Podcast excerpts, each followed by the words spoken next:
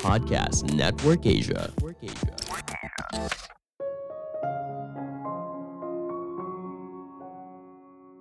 Sebuah ide bisa mengubah cara kamu melihat dunia. Halo semuanya, nama saya Michael. Selamat datang di podcast saya, Sikutu Buku. Kali ini saya akan bahas buku 101 Essay That Will Change the Way You Think, karya Brian Weiss. Sebagai informasi, podcast Sekutu Buku sekarang bergabung dengan Podcast Network Asia dan Podmetrics loh. Sebelum kita mulai, buat kalian yang mau support podcast ini agar terus berkarya, caranya gampang banget kalian cukup klik follow. Dukungan kalian membantu banget supaya kita bisa rutin posting dan bersama-sama belajar di podcast ini. Buku ini membahas soal perspektif baru dalam melihat hidup melalui ratusan esai yang mungkin saja mengubah pemikiranmu. Brian banyak menulis soal pentingnya sebuah tujuan daripada sebuah passion, menerima pemikiran yang negatif, dan menemukan kebijaksanaan dalam kehidupan sehari-hari. Hidup yang kamu jalani adalah milikmu sendiri, dan bukan tugas kamu untuk menyenangkan atau membuktikan kepada orang lain. Pada akhirnya, yang kita benar-benar inginkan adalah beberapa orang dekat yang mengenal dan mencintai kita apa adanya. Saya merangkumnya menjadi tiga hal penting dari buku ini. Pertama, melihat hidup dari sisi berbeda. Apakah kamu pernah merasa tidak tahu mau ngapain? Tidak tahu tujuan di masa depan mau jadi apa? Jika kamu pernah merasakan hal tersebut atau sekarang kamu menjalaninya, jangan berkecil hati. Sejujurnya, tidak ada yang benar-benar tahu ke depannya seperti apa. Justru pertanyaan yang lebih penting adalah apa yang kamu mau dalam hidup. Ini adalah pertanyaan yang perlu kamu tanyakan pada dirimu sendiri setiap hari. Apalagi jika kamu berusia 20-an. Kamu harus belajar untuk melepaskan ekspektasi yang tidak realistis dan mulai menjalani hidup seutuhnya. Misalnya seperti ini, orang dengan bakat luar biasa sangatlah langka. Kita mungkin sering kali mendengar kisah sukses anak umur 20 jadi pengusaha sukses dan memiliki harta melimpah. Namun, kamu harus menyadari jumlah orang yang berada di posisi tersebut juga hanya sedikit dan ada pengorbanan yang mereka lakukan atau bahkan privilege yang mereka miliki untuk bisa berada di sana. Selain dorongan pribadi harus sukses di usia muda, kerap kali orang yang berusia 20-an didorong oleh lingkungan sekitar atau berusaha membuktikan dirinya kepada orang lain. Stop lakukan semua hal tersebut. Kamu tidak bisa mengontrol apa yang mereka pikirkan tentang dirimu. Apa pun yang kamu lakukan, mereka pasti akan memberikan penilaian, mengkritik, menyukai, cemburu, dan sebagainya berdasarkan persepsi subjektif mereka sendiri. Ada perspektif yang menarik Bagaimana bila kamu berhenti khawatir hidup kamu akan seperti apa dan mulai fokus pada apa yang kamu rasakan? Misalnya begini, apa jadinya kalau media sosialmu tidak lagi jadi parameter apa yang kamu lakukan? Berapa banyak foto yang kamu ambil? Ke mana kamu akan pergi? Selain itu, jika uang tidak lagi jadi masalah, apakah kamu akan tetap berada di pekerjaanmu sekarang atau kegiatan apa yang akan kamu lakukan? Banyak orang menyepelekan latihan ini karena dianggap tidak masuk akal. Namun sebenarnya, apabila kamu bersedia berpikir dengan lebih dalam, kamu akan memahami makna sebenarnya. Latihan ini bukan untuk mencari tahu apa yang kamu lakukan apabila kamu tidak punya uang, tapi membuatmu berpikir ulang tentang apa yang kamu lakukan saat ini.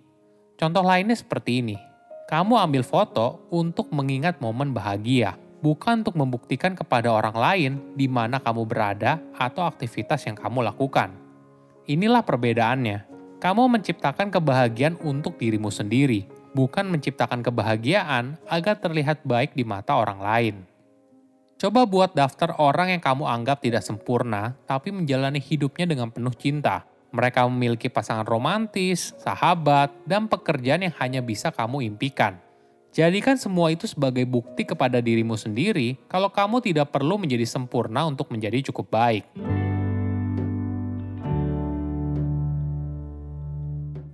Kedua, bahaya dalam mengejar kebahagiaan. Ide kalau setiap manusia harus bahagia merupakan ide yang berbahaya. Pemikiran ini yang lalu mendorong terjadinya pola pengejaran atas kebahagiaan kita berusaha mengejar kebahagiaan melalui pemenuhan barang material yang tiada ujungnya. Coba ingat saat kamu terakhir bermimpi untuk punya mobil baru, kamu mulai menabung hingga akhirnya kamu mampu membeli mobil tersebut. Di momen itu, tentu saja kamu akan merasakan dorongan kebahagiaan yang besar, namun sayangnya tidak bertahan lama atau sebesar yang kamu bayangkan sebelumnya. Ini adalah lingkaran yang selalu muncul apabila kamu berusaha untuk mengejar kebahagiaan. Perlu disadari, setiap orang memiliki kurva kebahagiaannya masing-masing. Kurva ini naik dan turun. Tidak masuk akal jika kita hanya ingin merasakan kebahagiaan saja. Ironinya seperti ini, jika kamu ingin bahagia, kamu perlu berhenti untuk mengejar kebahagiaan. Kebahagiaan adalah hasil dari melakukan kegiatan yang menantang, bermakna, dan berharga. Justru lebih bijaksana apabila kamu menghabiskan waktu mengejar pengetahuan atau belajar cara berpikir dengan lebih jernih daripada mengejar hal yang terasa nikmat. Pada akhirnya, menghindari rasa sakit sama artinya dengan menghindari kebahagiaan. Kebahagiaan dan penderitaan merupakan dua sisi di satu koin yang sama. Jika kita tidak ingin merasakan salah satunya, maka kita juga menghilangkan kemampuan kita untuk merasakan hal yang lain. Apakah kamu tahu, manusia adalah satu-satunya spesies yang memiliki hubungan dengan diri mereka sendiri melalui orang lain? Persepsi kita tentang pola pikir orang lain sebagian besar menentukan cara kita melihat diri kita sendiri. Kita merasa paling dicintai ketika kita merasa dimengerti oleh orang lain. Kita merasa paling dicintai ketika kita berpikir seorang sangat menghargai kita. Hal ini dilihat dari usaha dan kasih sayang yang mereka tunjukkan. Kamu akan merasa bebas jika kamu menyadari hubungan paling penting yang harus kamu miliki adalah hubungan dengan dirimu sendiri. Semakin cepat kamu menyadarinya, kamu juga tidak akan menuntut orang lain untuk membuat hidupmu bahagia. Dirimu sudah bahagia seorang diri, ada tidaknya orang lain tidak akan mengurangi kebahagiaan yang kamu miliki.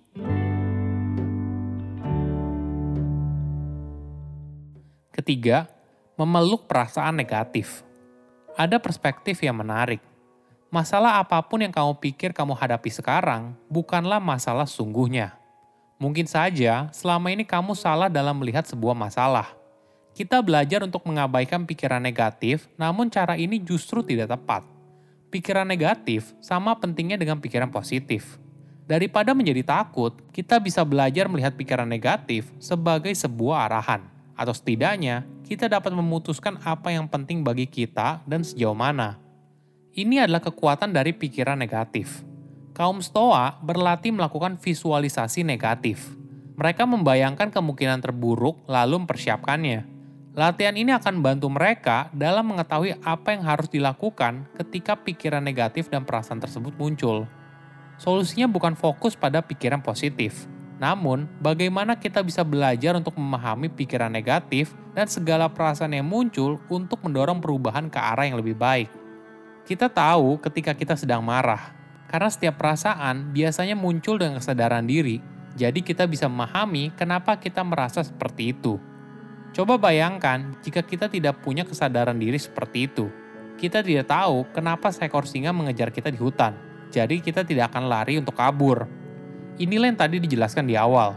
Kalau masalah yang kamu hadapi bukanlah masalah sesungguhnya, tapi bagaimana kamu melihat masalah tersebut. Kamu perlu belajar untuk memahami perasaan yang muncul.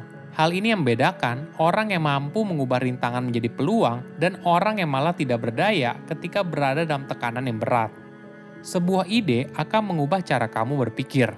Perubahan ini akan membuatmu melihat dunia dari perspektif yang berbeda. Saya undur diri, jangan lupa follow podcast Sikutu Buku. Bye-bye. Pandangan dan opini yang disampaikan oleh kreator podcast, host, dan tamu tidak mencerminkan kebijakan resmi dan bagian dari podcast Network Asia. Setiap konten yang disampaikan mereka di dalam podcast adalah opini mereka sendiri dan tidak bermaksud untuk merugikan agama, grup etnik, perkumpulan, organisasi, perusahaan, perorangan, atau siapa pun dan apa pun.